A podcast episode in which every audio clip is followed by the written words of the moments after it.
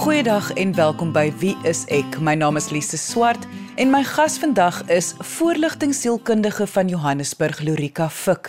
En ons gaan vandag gesels oor herhalingsdwang. Wat 'n groot groot woord is dit nie en dit klink onmiddellik soos 'n baie ernstige probleem. Maar as 'n mens mooi daaraan dink, is dit die klein patrone wat negatiewe invloede op ons lewe het. Ek sê nou klein, maar dit kan ook groot wees. Die keuses wat ons maak in ons verhoudings, die keuses wat ons maak oor hoe ons optree by die werk byvoorbeeld. Maar Lorika gaan vir ons baie meer daaroor verduidelik.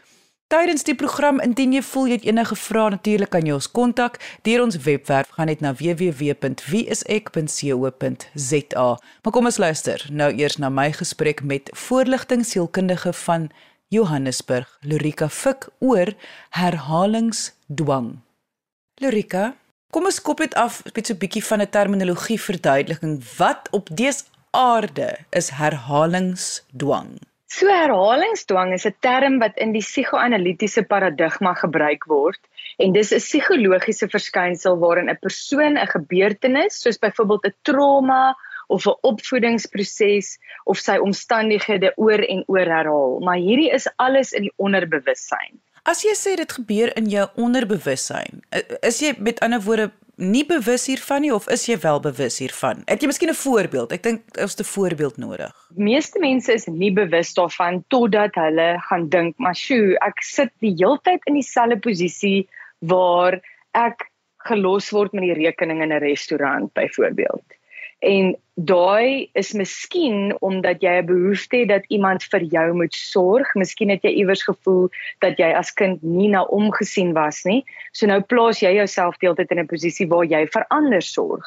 Of daai selfde voorbeeld kan ons byvoorbeeld toepas waar jy voel of jy uitgebuit was iewers in jou lewe en nou plaas jy jouself die hele tyd in 'n posisie om uitgebuit te word deur deur mense want dis asof jou brein probeer om dit uit te sorteer. Tipies hoe 'n mens dit uitsorteer is om jouself af te vra maar hoekom is ek in hierdie posisie? Hoekom is ek so ontstel oor wat daar gebeur het? Waar kom dit vandaan? En wat jy dan kan vind wanneer jy die emosie werk doen en uiteindelik erken maar jo ek het so uitgebuit gevoel deur daai en daai persoon in my lewe. Dis wat dit vir my beteken het. Dit het my verskriklik magteloos of teleurgesteld of kwaad of waardeloos laat voel. En die oomblik wat jy daai dinge begin aanvat of aanpak en begin aanvaar en vrede maak daarmee dis wanneer jy die herhalingsdwang kan stopsit. Ek probeer nou hier myself inleef in wat jy sê. En en ek en ek hoor wat jy sê want ons ek dink meeste van ons gaan met iets in jou lewe vra maar hoekom het ek dit nou alweer gedoen of hoekom tree ek alweer so op? Hoekom is ek alweer in so 'n tipe verhouding? Of jy weet ek het dan met my vriendin daaroor gepraat maar hier het ek dit alweer toegelaat dat sy so optree. Is dit waarna jy verwys? Absoluut. En ek hou so van daai voorbeeld wat jy gebruik. Hoekom het ek die heeltyd dieselfde tipe vriendskappe of dieselfde tipe romantiese verhoudinge? Wat is ek besig om in my onderbewussyn te probeer uitsorteer? En die ding is, die brein is mos so 'n wonderlike orgaan en hy sal sonder dat jy dit eers besef, sal jou brein dieselfde mense uitsoek want hy's besig om vir jou die weer die geleentheid te gee en te sê okay kom ons probeer hierdie uitsorteer. Okay ons het hom nie nou uitgesorteer nie. Kom ons probeer hom met hierdie nuwe verhouding uitsorteer. Kom ons probeer hom met hierdie nuwe verhouding uitsorteer. 'n ander voorbeeld wat ek hierso het is waar jy dalk sukkel om nee te sê vir mense en vind jouself aanhoudend in daai posisie om dit behoort te doen maar dan doen jy dit nie. Dit kom dalk van jou ouers wat sou ooreageer wanneer jy jou behoeftes of eie opinies uitgespreek het en jou stem probeer vind het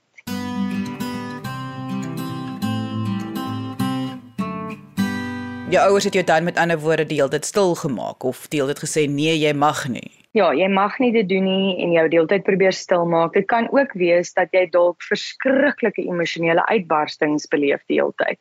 En daai herhaling vind plaas totdat iemand jou emosies erken en sê, "Sjoe, maar jy voel verskriklik oorweldig."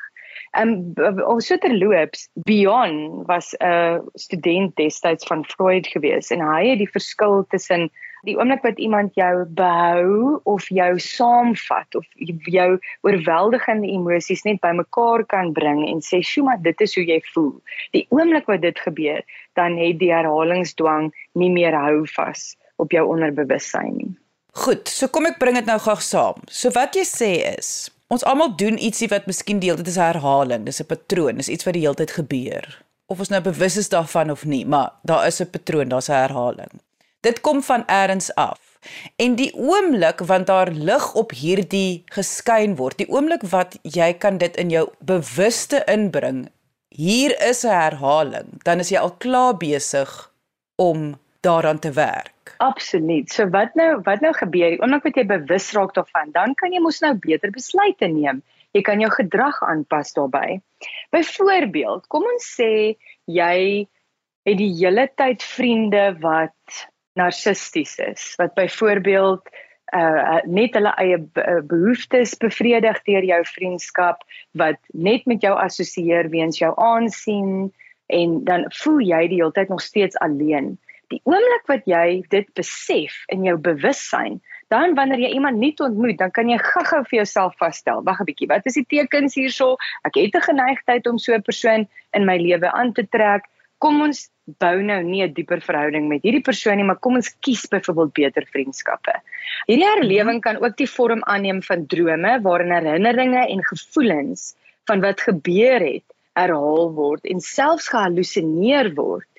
Herhalingsdwang kan ook gebruik word om die herhaling van gedrag of lewenspatrone weier te dek nê. Nee.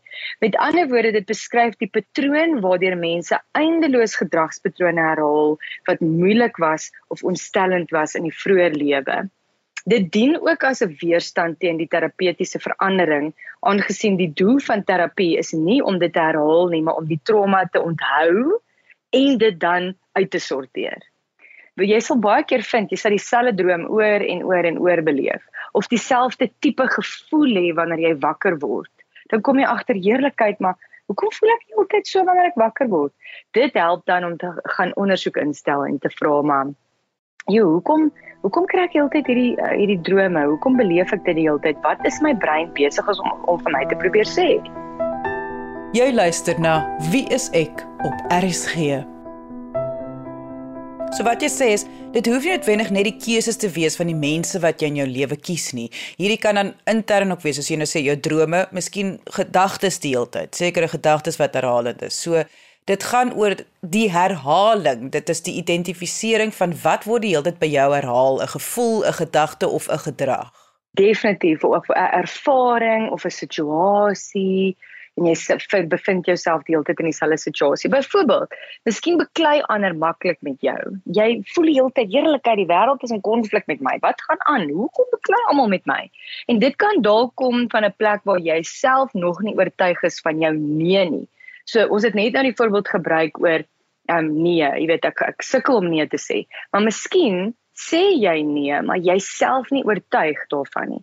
Miskien moet jou grense, miskien kort jou grense werk. Miskien is jou grense bietjie te laks of te laag gestel en dit beteken dat mense dink hulle kan maak met jou wat hulle wil byvoorbeeld. En dit maak jou moeg. Dis nou juist wat ek wou vra, Lorika. Hoekom moet 'n mens aan daar is sekere goeders en ons gaan nou-nou daarby uitkom, maar daar is sekere patrone wat natuurlik moet aangespreek word. Maar wat is die rede hoekom mens hoekom kan jou brein nie nou maar net aanhou met probeer om dit te verwerk nie? Wel, wat gebeur is, jy mens kry maar swaar daardeur, nê. En die die vraag wat jy jouself moet afvra is, hou ek van hierdie herhaling wat die hele tyd plaasvind?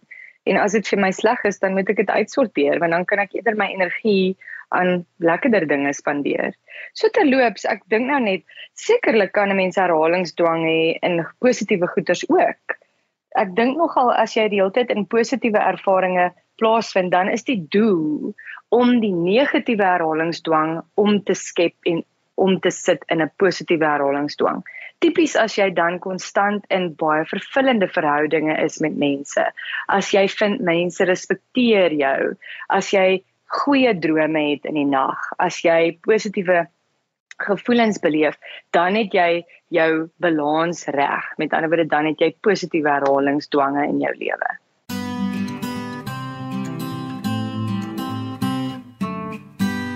Ja, dis daai mense wat ons almal wil wees. Dit is die gebalanseerde en dan tussen aanhalingstekens gelukkige mense. Definitief, ja. Lorika, ons almal het daai vriendin wat ergens verskriklik huil dat mens sien eintlik hoe die mascara oor haar gesig loop waar sy sê ek kies altyd die verkeerde persoon. Ek kies altyd die verkeerde persoon en dit is mos nou waaroor ons vandag praat. Maar dis baie moeilik om na jouself te kyk en te sê goed, okay, dit is die slegte patroon, die herhalingsdwang wat ek ervaar en dis waaraan ek moet werk. Um ons is geneig om gewoonlik ander mense of ander situasies te blameer. So watter advies het jy wel om miskien 'n bietjie te werk aan daardie selferkenning. So, dit hang af van watter invalshoek ons al werk. Dit hang ook af hoe goed jou verhouding is met hierdie persoon. Maar kom ons stel dit so. 1. Miskien is jy die vrou wat se mascara oor haar wange loop en wat ontevrede is in haar romantiese verhoudinge. Of miskien is jy die vriendin van so iemand. As jy 'n goeie verhouding het met daai persoon of as jy self daai vrou is, nooi ek jou uit om nuuskierig te raak gaan vind bietjie uit oor hoe jy jou besluite neem. Hoekom is ek die hele tyd besig om dieselfde persoon te kies? Wat verwag ek moet hulle aan my vervul? Hoekom gaan soek ek dit in hierdie spesifieke plek die hele tyd? Kom ons vat 'n scenario. Kom ons sê dat dit 'n man, jy's heeltyd betrokke by 'n man wat jou emosioneel aftakel. Dit kan wees dat jy groot geword het in 'n huis waar jou emosies net glad nie geïdentifiseer was nie. Dit kan wees dat jy in 'n huis groot geword het waar jy emosioneel mishandel was deur jou ouers. En dit kan wees dat jy in 'n posisie deeltyd plaasgevind het waar jou emosies net nie geïdentifiseer was nie. Dis ek wil sê die kruks van herhalingsdwang is dat die emosies besig is om jou te hulle is besig om met jou te kommunikeer deur middel van herhalingsdwang. So daai emosie wiel, ek verwys die hele tyd na daai emosie wiel. Ek dink is die wonderlikste ding in terapie om vir iemand daai daai gereedskap te gee. Maar gaan identifiseer jou emosies en vra maar hoekom voel ek heeltyd so in hierdie verhouding? As ek heeltyd magteloos voel, moet ek myself afvra maar hoekom is ek heeltyd in 'n posisie om magteloos te voel? Hoekom word ek heeltyd in hierdie situasie geplaas? Is dit omdat ek self nog nie my doel in die lewe gevind het nie? Ek het self nog nie my oomf gevind nie. En jy luister vandag na voorligtingsielkundige van Johannesburg, Lorika Fuk, en ons praat oor herhalingsdwang. Indien jy enige vrae het, kan jy ons kontak deur ons webwerf gaan net na www.wieisek.co.za. As jy kan daai emosie wiel byvoorbeeld vat en na jou beste vriendin toe gaan en in plaas van haar sit en jou mascara rol oor jou wange omdat jy huil die hele tyd en liewer sê ek voel in al my verhoudings en julle saam identifiseer die woorde, die emosies wat jy ervaar. En jy kan miskien saamgesels oor waar dink jy kom dit vandaan? Was dit hy? Was dit jy? Is dit dalk voel jy al jare so? Wanneer voel jy so? Wanneer voel jy nie so nie? Net daai klankbord hê dat ons kan gerus leer om op te hou probeer self vroeg hier in die donker van jou eie brein en miskien 'n bietjie dit nou in die lig gooi en saam met iemand gesels daaroor. Maar as jy natuurlik niemand het nie, dis mos nou waar jy inkom, Lorika. Weet jy, ek hou so van wat jy daar sê oor om tegnieke van emosionele regulering aan te leer. Jy is 'n intellektuele persoon wat die behoefte het om jouself emosioneel te kan uitdruk gaan Google dit, gaan leer die tegnieke of gaan praat met iemand daaroor. Sê vir jou sielkundige, luister vir die volgende 4 weke wil ek tegnieke leer om emosionele regulering te kan toepas. Dan gaan jy bietjie, dis bietjie soos om te gaan vir opleiding. Sielkundiges is ook daar om jou te help met opleiding, emosionele opleiding. En wat jy dan net doen en ek gaan dit weer sê, daai woord nuuskierigheid is vir my so mooi. Dis om te identifiseer hier is 'n herhalingsdwang probleem 1. 2 kom ons haal onsself uit die probleem uit. Ons kyk na die probleem van 'n afstand. Ons word nuuskierig. Ons neem die emosie vir 'n oomblik daar uit sodat ons net kan sien, maar wag 'n bietjie. Sjoe. Ek vind bevind myself deeltyd in dieselfde posisie. Wat gaan hier aan? Hoekom is ek heeltyd in hierdie situasie? Kom ons kyk van verskillende invalshoeke na die probleem. Plaas jouself ook in die posisie as 'n vriendin of 'n vriend na my toe gekom het met hierdie selfde probleem. Hoe sal ek hulle help om dit op te los? En wanneer jy daai tegniek gebruik, dan kan jy logies dink daaroor. Maar vra jouself af, is ek baie emosioneel hieroor of is ek baie rasioneel hieroor? Die doel is om beide emosioneel en rasioneel te wees sodat ons wys is in die probleem wat ons probeer um, uitsorteer. Hoe gaan mens enigstens bewus wees daarvan dat mens het 'n herhalingsdwang? Waar moet mens kyk na waar waar lê hierdie herhaling of die patroon? Wel, dit is moeilik want ek dink daar's seker 100 miljoen verskillende herhalingsdwange om te na na te kyk. So elke persoon se is uniek. Maar jy moet jouself dis afvra maar ek voel ek het die hele tyd dieselfde gevoel. Ek voel heeltyd te neergedruk onder dieselfde omstandighede. Ek voel heeltyd angstig onder onder dieselfde omstandighede en ek kry swaar wanneer ek so voel. En miskien is dit die eerste vraag wat jy jouself vra op 'n skaal van 1 tot 10, hoe swaar kry jy in jou lewe? En wanneer jy voel jy's ontevrede met die nommer, want dit kan vir enige persoon verskillend iets beteken. So kom ons sê jy voel, ja, maar ek voel 7 uit 10 keer van die sleg tyd voel ek so sleg dan vra jy jouself af, maar hoekom voel ek so? Is ek die hele tyd besig om in dieselfde posisies te beland? Is ek die hele tyd besig om dieselfde mense in my lewe toe te laat? Is ek die hele tyd besig om dieselfde gevoelens te hê? En wanneer jy dit geïdentifiseer het, dan kan jy verder begin vra, "Sjoe, maar het ek dalk herhalingsdwang oor iets?" So terloops, almal het herhalingsdwang. Dis net of mense bewus is daarvan of nie. So dit is eintlik 'n lekker ding. Uiteindelik is daar 'n woord vir almal daar buite wat hierna luister. Ek het herhalingsdwang oor sekere goeters. Die vraag is net is dit goeie of slegte goeters? En indien wel, hoe hanteer ek dit en hoe beleef ek dit?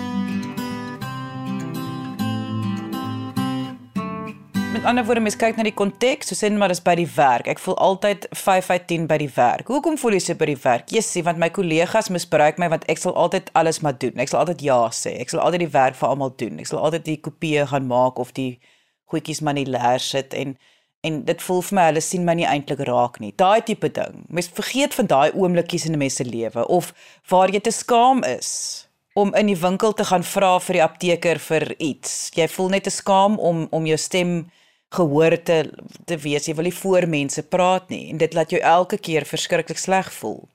Weet jy Elise wat jy daar gesê het is 'n perfekte opsomming van dit. Dat jy kan sê maar onder sekere omstandighede by sekere plekke voel ek die hele tyd dieselfde. En wat gebeur en ek weet nie of ons as mens ooit in die samelewing hierdie gaan uitsorteer of agter die kap van die byl kan kom nie. Maar dis asof die lewe dan die heeltyd vir jou dieselfde scenario skep.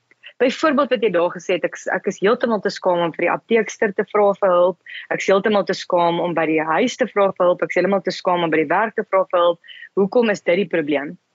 Dit is van die een invalshoek. Die ander invalshoek, by die werk is ek die hele tyd die een wat my hand opsteek. Die hele tyd die een wat my hand opsteek en dan oorlaai ek myself sodat ek nie kan slaap nie en my menseverhoudinge val uitmekaar uit en ek verloor my aptyt en ek besig om te sukkel met dit. Wat gaan nie aan? En dan kan jy jou ondersoek instel. Dit is so uniek vir elke liewe persoon. So om op radio eers te probeer uitsorteer wat dit is, is onmoontlik. Elke persoon se is so uniek en hulle moet daarvan sin maak. Soek jy 'n professionele persoon in jou area? Gaan kyk op die WSE kontaklys by www.wse.co.za. En ek dink ook dis klaar al 'n baie belangrike stap om agter te kom jy sukkel met verhoudings, nie net liefdesverhoudings nie. Kyk na al jou verhoudings, kyk na jou kollegas, jou familie, die man wat die petrol ingooi, hoe dit is vir jou om met vreemdelinge te praat. Kyk na al jou verhoudings in jou lewe om te kyk waar is jy gemaklik, ongemaklik, vriendelik, nie vriendelik, waar lê probleme vir jou? Om net hierdie goedjies te identifiseer. Ek dink baie mense raak dan bang, okay, maar wat sê dit nou? Sê dit nou dat ek het probleme? Sê dit dat ek is nie lekker nie? Sê dit dat ek wat 'n gelukkige kinderjare gehad. So ek dink Lorika, jy moet net mense hier eers net gerugstel dat identifisering is 'n wonderlike ding. Net identifisering. Kyk, wanneer ons werk met verslawing en ons werk met die 12 stappe, nê, dan is die heel eerste stap is eerlikheid die oomblik wat jy 'n ding erken, het jy al klaar die grootste en die eerste stap geneem tot heling. Hier is 'n bietjie van 'n gesprek reguit uit Lorika se hart uit. Dis tyd dat ons ophou om te sê dat jy die heeltyd moet gelukkig wees. Aanvaar dat probleme is deel van almal se lewens. En die oomblik wat jy dit so sien, jy nooi jou probleme in, dan sê jy luister, ek het my stelletjie probleme soos wat enige iemand anders se stelletjie probleme het. Ek het ook my stel goeie goed het in my lewe gebeur, die geluk, die liefde, die bevrediging, die vervulling. Hierdie is my pot en in almal se pot is daar probleme en daar is goeie goeders. So kom ons kyk saam na jou probleme. ek nooi jou uit om na jou probleme te kyk. Aanvaar jy gaan hulle hê. Jy gaan hulle hê vir die res van jou lewe. Die oomblik wat dinge goed gaan, dit gaan ook weer sleg gaan en wanneer dit sleg gaan, gaan dit ook weer goed gaan. En ek nooi mense uit om hierdie uitkyk te begin hê op hulle lewens. Jy kan besluit jy gaan in ontkenning bly oor jou probleme en dan gaan hulle harder en harder op jou skree, of jy kan sê kom ons word nuuskierig oor ons probleme. Kom ons begin hulle, jy weet, aanvat. Kom ons sorteer hulle uit. Ons wees proaktief. En so terloops, die oomblik wat 'n mens deur jou probleme kan werk, ons noem dit 'n uh, posttraumatiese groei of post-traumatic growth, né? Is wanneer jy kan groei as 'n mens. Baie mense wat deur 'n trauma of iets werk, sal vir jou sê ek is eintlik so dankbaar vir my trauma. Want my trauma het my toegelaat om te groei. Dit het my toegelaat om dieper verhoudinge te bou. Dit het my toegelaat om beter besluite te neem. My hele lewe is in 'n beter plek te danke aan die trauma of die probleme wat ek gehad het.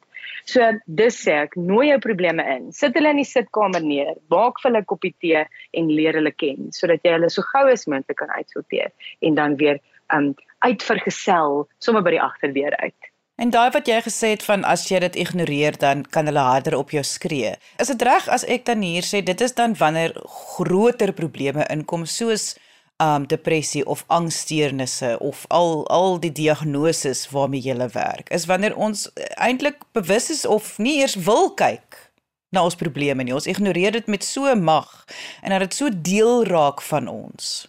Definitief wat jy daar sê. Freud het gesê dat ontkenning is een van die mees krippelendste as dit eers 'n woord is most crippling. Maar dit is die mees onvolwasse verdedigingsmeganisme wat ons het. Want as jy ontkenning het en jy jy is besig om 'n ding te ontken dan kan ons niks oor die probleem doen nie.